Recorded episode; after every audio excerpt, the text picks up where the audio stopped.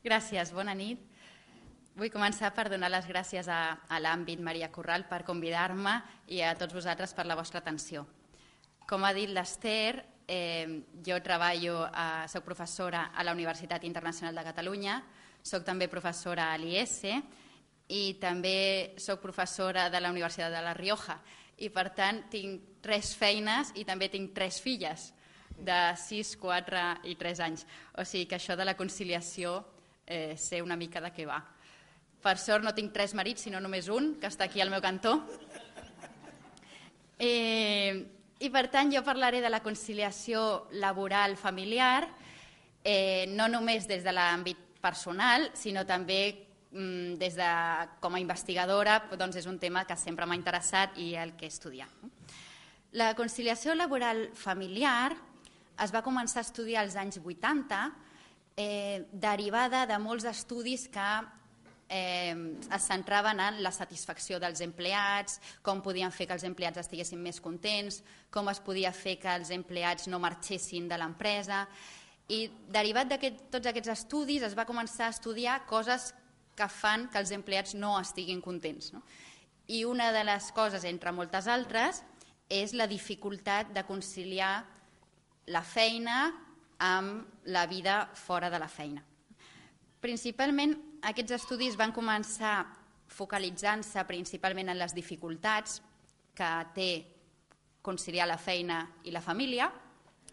Després també va haver-hi estudis que, que ho miraven d'una manera més positiva i van veure que els avantatges de conciliar feina i família eh, avantatges com pot ser que hi han coses que aprens a la família que després les pots aplicar a la feina, fer quatre coses a la vegada, això ho pots aplicar a la feina, o coses a la feina com lideratge que ho pots exportar a la família.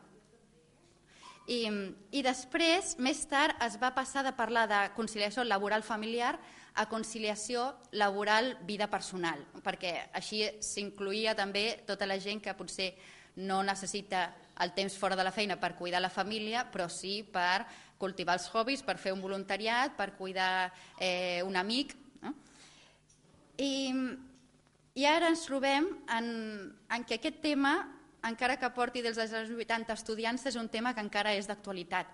Eh, eh, doncs encara avui el 70% de les persones que tenen feina consideren que per ells la conciliació laboral familiar és un problema el 70% de les persones en feina. No? I per tant és un problema que encara que porti 20 anys estudiants no s'ha solucionat. Una cosa que m'agradaria aclarir és que jo parlaré de la conciliació laboral familiar però em refereixo indistintament a la conciliació laboral vida personal. Eh, ens referim als problemes per eh, conciliar feina amb activitats fora de la feina. I sempre, en general, tendim a pensar que això és un problema del temps. Ara l'Ester deia, el dia només té 24 hores, fem 8, 8, 8... No? Tendim a pensar que és un problema principalment del temps. I, de fet, de conciliació laboral familiar hi han tres tipus, i els tres són importants. No? Un és el problema derivat del temps. Eh, les hores que dediques a la feina no les pots dedicar a cuidar de la família, a cuidar dels fills, a cuidar dels pares malalts o, o a fer jugar a tennis. No? Un és el problema derivat del temps. Però el segon seria un problema de conciliació per l'esforç. És a dir, gastes tantes energies a la feina que després no et queden energies per fer res més. Això també és un problema derivat de la conciliació laboral familiar, que potser no és qüestió d'hores, potser tens una feina correcta, però gastes tantes energies a la feina que després no tens energies per cuidar els teus fills, estàs de mal humor i ja no pots més. No? Per tant, hi ha un problema de, per temps, hi ha un problema per esforç i després hi ha un problema per actituds. És a dir, eh, segons quina feina tinguis, hi ha persones que a la feina els hi demanen unes actituds que no són compatibles amb la vida familiar de després. Per exemple, si a la feina et demanen que siguis competitiu, eh, agressiu, eh, són unes actituds que durant 8 hores o, o, o les que estiguis a la feina has de cultivar aquestes actituds per tenir èxit o sobreviure al lloc de treball i aquestes actituds vas a casa i les repeteixes i, i això no té un impacte positiu en, en la teva vida personal. Eh, com a exemple, hi, hi havia un, un, un senyor a l'IS que m'explicava que ell, és, ell treballa a la banca i, i que sempre al dia a dia està treballant amb, amb milions d'euros. No? Totes les xifres que manega són 500 milions d'euros, 300 milions d'euros. I diu, jo quan arribo a casa, la meva dona em diu ai, és que clar, ara se'ns ha trencat la rentadora i hem de comprar una altra rentadora, clar, he estat mirant i valen 500 euros. Home, compra, compra, compra, compra, no? I, i diu, i la meva dona ara ja sap que fins que no porto dues o tres hores a casa no em digui res de números, perquè tot és, esto no és nada, esto no és nada, no? I és una mica un exemple de com passar-te moltes hores a la feina, si t'exigeix un, una mentalitat, una actitud, aquesta la, la repeteixes a fora. I per tant els problemes de conciliació són tres, el temps, l'esforç i les actituds. De totes maneres, com que la conferència d'avui es diu conciliar-se amb la gestió del temps, jo em centraré principalment en la primera, que és la conciliació per problemes de temps. I em centraré en aquesta, però que sapigueu que les altres dues també són importants. No? Eh, I parlaré de la conciliació, dels problemes de conciliar la vida familiar i laboral per culpa del temps i sobretot de quins són els factors que ho provoquen i donaré algunes idees de com mm, es pot solucionar o com es pot alleujar aquest tipus de problemes. Eh, òbviament no, no, no és la solució màgica, però bueno, són unes línies de com aquest problema es podria alleujar.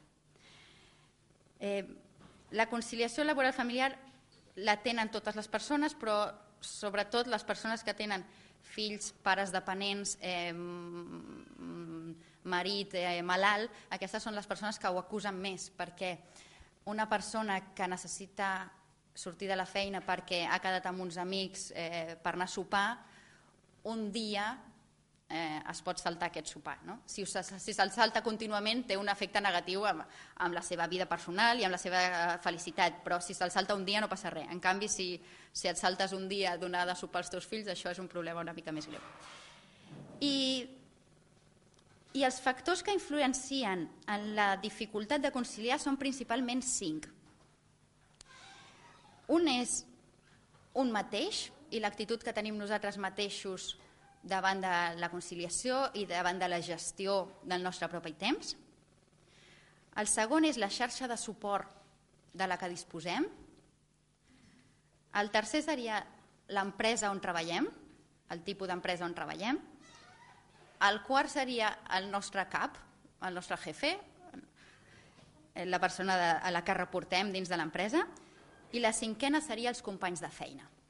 Deixeu-me que us expliqui una mica millor cadascun d'aquests cinc factors. Però tingueu al cap que aquests cinc factors o ajuden o dificulten la conciliació. I per tant estem jugant amb cinc coses. Això vol dir que potser si, si una no funciona però reforces les altres quatre, mm, te'n pots sortir bastant bé no? d'aquest problema de conciliació. Deixeu-me que us expliqui què passa amb un mateix. No? un mateix, eh, el primer que, que, que a vegades som els que més ens exigim eh, en tots els nivells som nosaltres. Mm, volem ser bons treballadors i volem ser bons pares i volem ser bons amics i, i a vegades el nostre nivell d'exigència ens porta a dificultar-nos la vida a nosaltres mateixos. A més de eh, sempre és més fàcil conciliar si ets una persona organitzada que desorganitzada, sempre és més fàcil conciliar si tens eh, si, si saps eh, adequar eh, el que pots fer amb el que vols fer. No? I una de les recomanacions per gestionar-nos uns mateixos seria que def definíssim quina és la nostra pròpia definició d'èxit. És a dir, què és tenir èxit per nosaltres? Tenir èxit per nosaltres a tots els nivells de la nostra vida, o sigui, tenir èxit a la feina, però tenir èxit com a, com a mare, com a filla, com a parella, com a amiga. No? Què és tenir èxit? No èxit de cara als altres, sinó èxit de cara a nosaltres. I això ens pot fer pensar millor quines són les nostres prioritats i, per tant, quin és el temps que volem dedicar a cada cosa. Hem de tenir una, una visió holística que li diuen, no? de nosaltres mateixos. Nosaltres som un tot, no som només treballadors, però treballadors, mare, filla, dona. Després, una altra cosa important és saber delegar. i saber delegar en els altres i no pensar que nosaltres ho fem tot millor que els altres. I una tercera cosa que ens pot ajudar a nosaltres mateixos és utilitzar la tecnologia de manera intel·ligent. La tecnologia facilita moltes coses, ara podem mirar eh, els mails de la feina des de casa, podem fer trucades mentre estem al cotxe, però la, la tecnologia és una arma de doble filo. S'ha de saber utilitzar amb saviesa al nostre favor. Per tant, hem parlat de nosaltres mateixos. La segona cosa és la xarxa de suport, és a dir, la persona que no té xarxa de suport té una molt més difícil conciliació. Xarxa de suport vull dir eh, àvies que van a buscar els nens al col·le, eh, amigues o veïnes que es poden quedar amb el nen un moment donat, no? i per tant s'ha de cuidar la nostra xarxa de suport. Òbviament les persones que s'ho poden permetre poden tenir una xarxa de suport de pagament, això vol dir que pagues un cangur que et ve a casa o pagues una dona de fer feina que t'estalvia les feines. Les persones que, que no tenen aquesta capacitat econòmica, la xarxa de suport ha de ser de voluntaris. I una altra cosa que ajuda molt a la xarxa de suport és mm, procurar tenir una logística fàcil. És a dir, procurar que els nens vagin a l'escola mm, a prop de casa, procurar que viure a prop dels pares. Tot això està demostrat que facilita molt la conciliació, eh, tenir una logística fàcil. Per tant, hem parlat d'uns mateixos, hem parlat de la xarxa de suport. La tercera cosa, òbviament, és l'empresa on treballes. Per exemple, eh, a nivell de conciliació, funcionen molt millor siguin les grans empreses o les mini, mini, mini empreses, les petites pimes de menys de 15 empleats. No? Per què? Les multinacionals grans de milers d'empleats perquè normalment ja tenen diners i capacitat per establir unes polítiques de conciliació. Tenen, per exemple, unes normes d'horari flexible, tenen unes normes de baixes de paternitat i les petites, petites empreses de menys de 15 empleats el que tenen, no tenen totes aquestes polítiques ni aquest pressupost, però el que sí que tenen és una relació personal molt més forta. Tothom coneix els teus fills, coneix el teu marit, sap si el teu pare està malalt i per tant hi ha una empatia molt més forta. En canvi, les persones que treballen en una empresa mitjana tenen més dificultats. Després, dins de l'empresa està el nostre jefe. El nostre jefe té un paper molt important eh, si el nostre jefe ens entén, si té empatia, si, si, si ell mateix ha tingut problemes per conciliar, això és un suport molt important que podem tenir dins de l'empresa. I finalment, els companys de feina. Els companys de feina eh, també són un puntal dins de la nostra empresa. Eh, el meu marit, per exemple, explicava que abans estava en una altra feina on ell era l'únic que tenia fills i en canvi va canviar de feina i va arribar a una nova feina on tothom té fills. No? I, I la diferència que això va significar, perquè en un moment donat eh, dius que t'han trucat del col·le i has de sortir una mica abans i tothom ho entén. A la feina anterior tothom et mira malament. Segurament no diuen res, però et mira malament. No?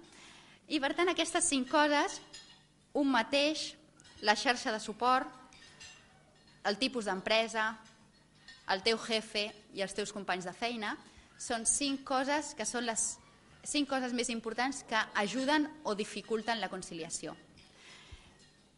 I, i si us fixeu, moltes d'aquestes coses eh, tracten de, de relacions humanes. O sigui, tenir una bona relació amb el teu jefe, tenir una bona relació amb els teus companys de feina, tenir una bona xarxa de suport, eh, això vol dir que la teva veïna està contenta d'ajudar-te, eh, el teu amic es, no li importa anar-te a passar a buscar els nens al col·le. Moltes coses són de relacions personals i, per tant, eh, això són coses que estan relativament al nostre abast i que són cinc coses que dius, mira, si el meu jefe eh, no funciona, però les altres quatre coses funcionen, pots jugar amb aquestes perquè la teva conciliació sigui una mica més senzilla. Per tant, invertir i esforçar-nos en, en poder conciliar eh, no és només beneficiós per nosaltres mateixos, sinó que també està demostrat que és beneficiós per la nostra eh, parella, vida de parella, també és beneficiós per la relació fills-pares fills i també per la nostra feina. O sigui, els empleats que poden conciliar estan més contents, eh, són més leals a l'empresa, treballen millor, es concentren millor i per tant la conciliació és un repte que tots tenim i que ens pot beneficiar a tots i que en certa manera està una mica al nostre abast. Acabo aquí, per tant, i us agraeixo la vostra atenció i espero que us hagi semblat eh, interessant.